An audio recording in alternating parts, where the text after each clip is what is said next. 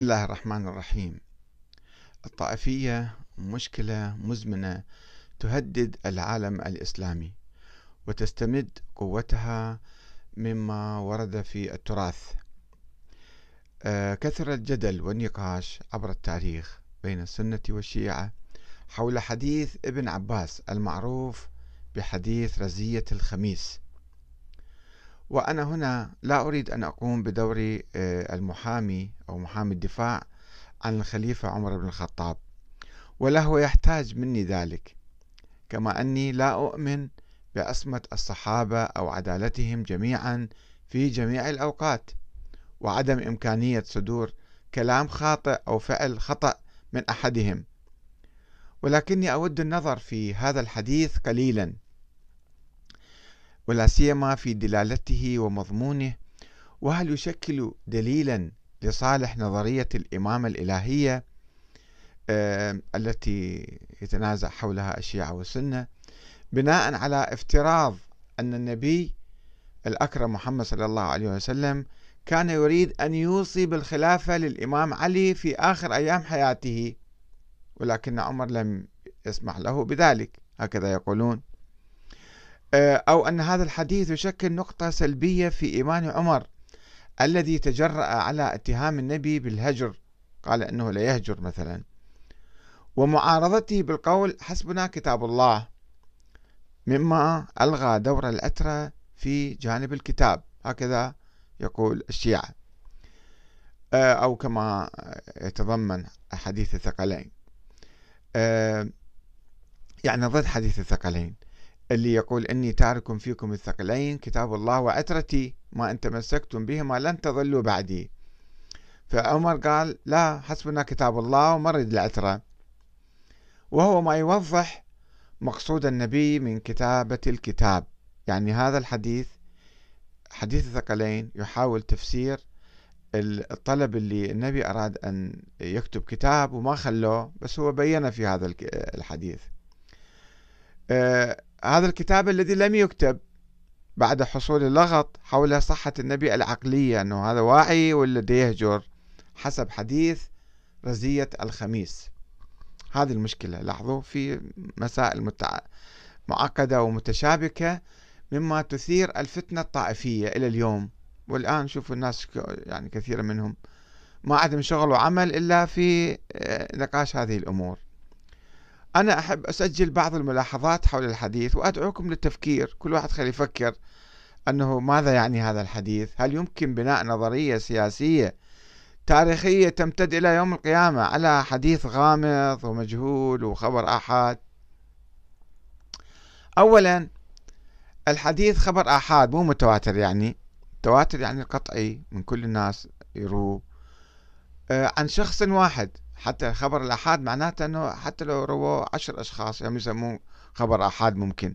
فكيف إذا رواه شاب صغير كان في ذيك الأيام وهو عبد الله بن عباس وشخص واحد فقط نقله ماكو واحد غيره حد ما سمعه إلا هو يعني ولم ينقله غيره غير ابن عباس الشاب الصغير من الصحابة. هاي النقطة الأولى.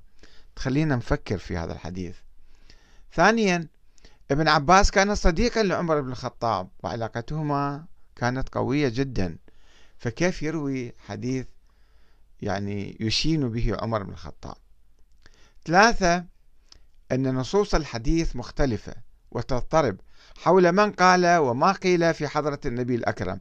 هل عمر قال أم ناس قالوا أم ماذا؟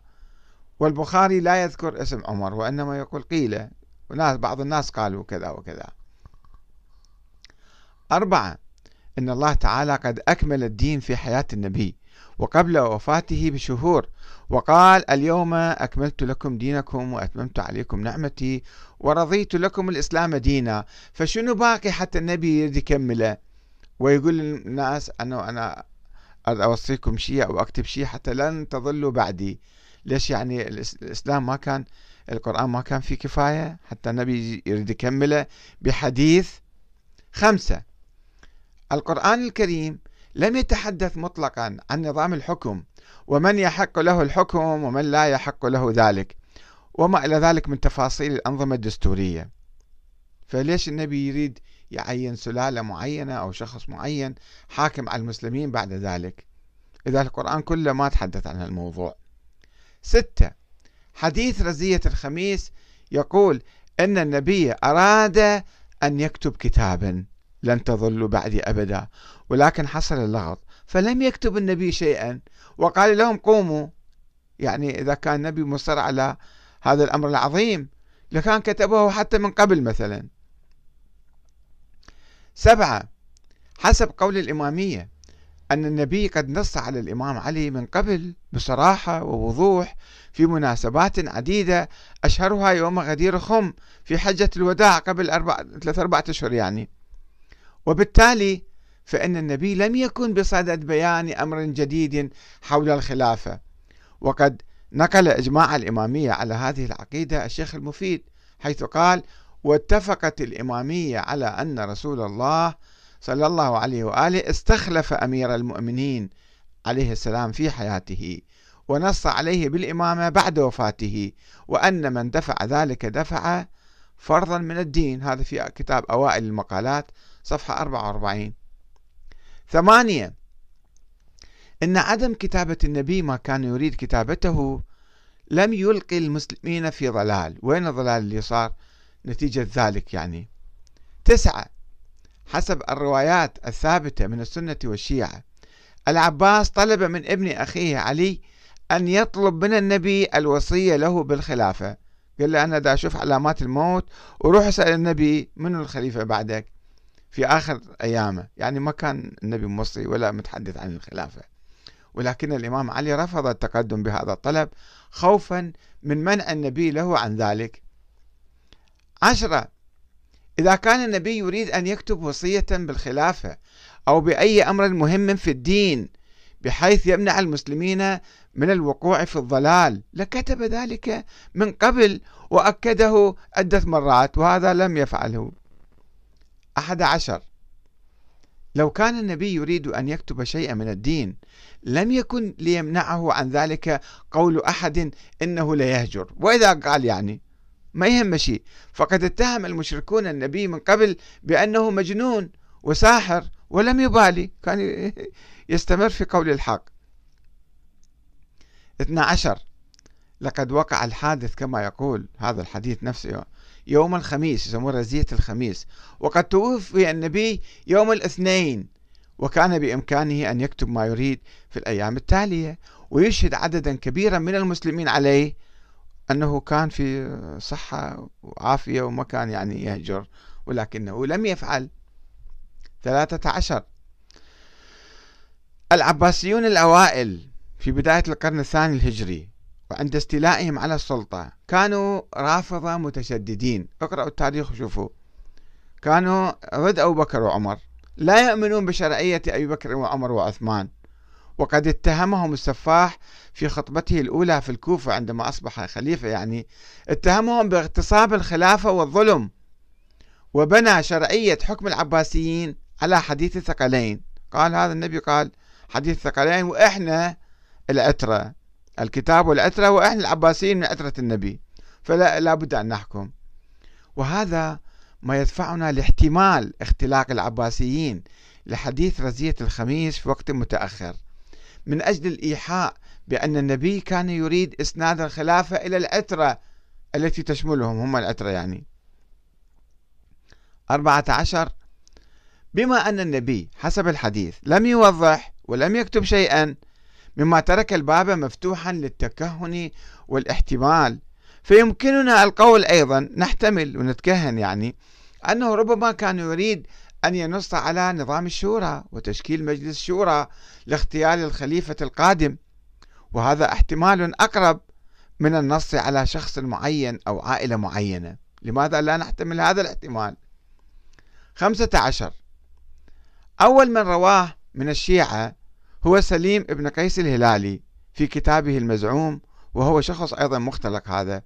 هذا الكتاب الذي ظهر في القرن الرابع الهجري في أيام البويهيين ونقل عنه النعماني النعماني أيضا توفي سنة 340 فناقل هذا أول من نقل هذا الحديث لا الكليني ولا الصفار ولا ابن بابويه نقلوا هذا الحديث ولم يتحدث به ولم يشر إليه أحد من الأئمة السابقين. خلينا نشوف نص الحديث ما هو. روى البخاري ومسلم وغيرهما من حديث ابن عباس رضي الله عنه. تعرفون البخاري ورا 200 سنة اجى 240 250 توفى هو. بهالحدود يعني سبب بالضبط أنا ما أتذكر. آه آه أنه قال لما حضر رسول الله وفي البيت رجال فقال النبي هلموا أكتب لكم كتابا لا تضلوا بعده؟ فقال بعضهم إن رسول الله قد غلبه الوجع.